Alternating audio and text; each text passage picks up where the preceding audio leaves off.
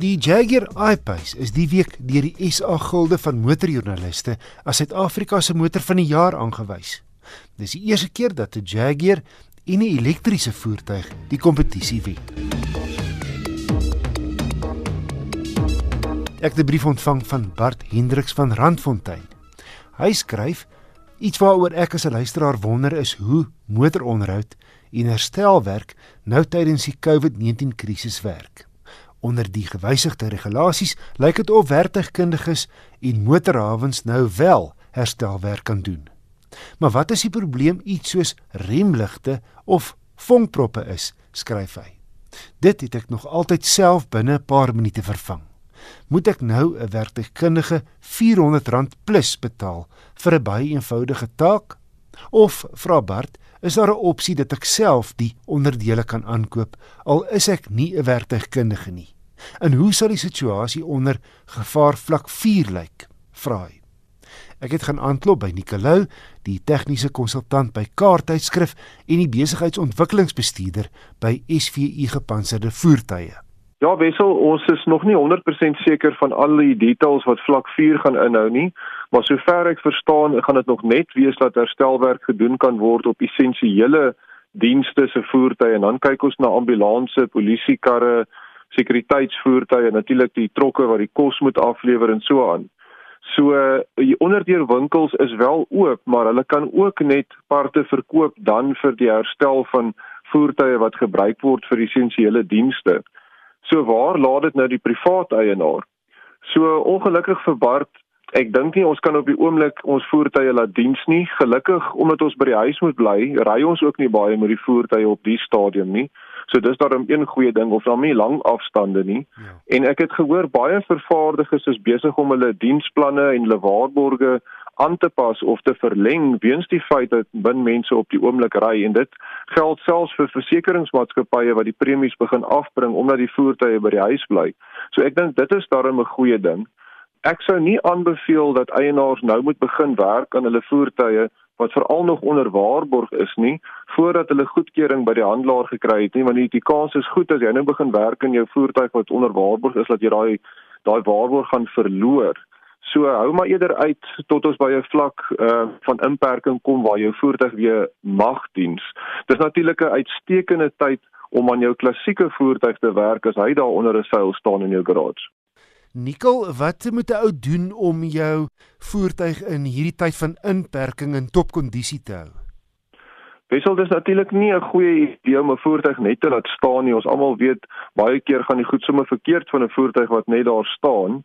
So ek sou ten minste een keer 'n week as jy kan jou voertuig uitneem om byvoorbeeld winkel toe te gaan om jou essensiële produkte te gaan aankoop, is dit 'n goeie gedagte. As jy 'n batterylaaier het, want onthou jou battery is maar die eerste ding wat gaan swaar kry as jou voertuig nie loop nie.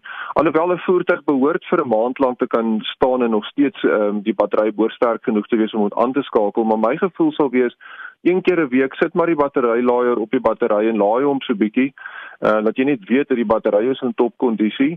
Party ouens sê man, start jou jou enjin dat hy nou maar bietjie leier vir 'n ruk, maar onthou nou net uh jou enjin moet omtrent vir 10 minute lank leier om daai een keer wat jy hom aangesit het, daai energie weer terug in die battery te sit. So dis nie altyd die mees effektiewste metode om dit te doen nie. En natuurlik 'n enjin wat leier, dis nie altyd die beste ding vir die enjin nie. Dit vat baie lank vir hom om op temperatuur te kom en natuurlik al daai uitlaatgasse maak maar seker jou voertuig staan dan buite die huis en nie in die in die motorhuis nie.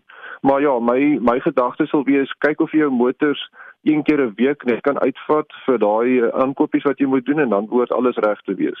So antwoord Nicolou van SVU gepantserde voertuie as ook die tegniese konsultant by Kaarttydskrif. Stuur gerus enige motornavrae aan my deur te e-pos na wissel@rsg.co.za. Dis wissel@rsg.co.za. Ek het voor die inperking kans gekry om Isuzu se D-Max X-Rider dubbelkajuit 4x2 te ry. Met die X-Rider probeer Isuzu 'n stylvolle pakket bied teen 'n relatiewe bekostigbare prys. So net die 2.5 turbo diesel in die X-Rider modelle, nie die top Isuzu bakkie se 3 liter nie.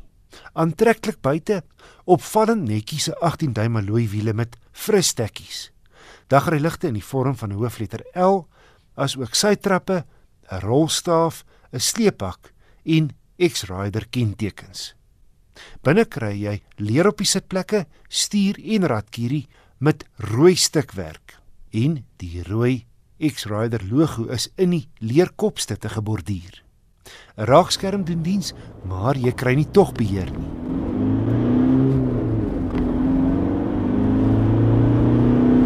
Die X-Rider se 2.5 turbo diesel is grower en meer lawaaierig as sy teenstanders teen luier en laaspoed.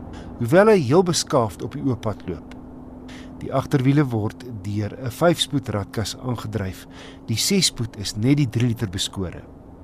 Nou, hoewel se kragsyfers afsteek teen wat jy in die prysklas van 450 000 in die Hilux en Ranger kry, is die Isuzu se kraglewering voldoende.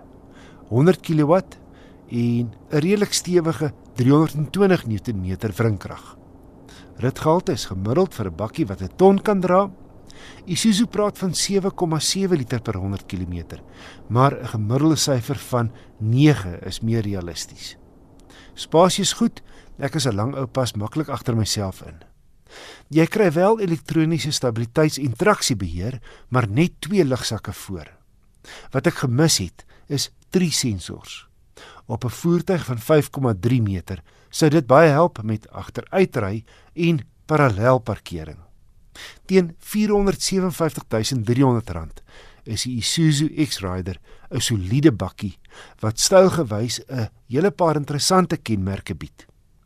Nie so gesofistikeerd soos meer moderne mededingers nie en effens stadiger. Maar sy robuuste en taai houding gee hom karakter. En nie te versmaai nie, is sy goeie reputasie van meganiese betroubaarheid. En daarmee saam kom 'n 5 jaar 90000 km diensplan.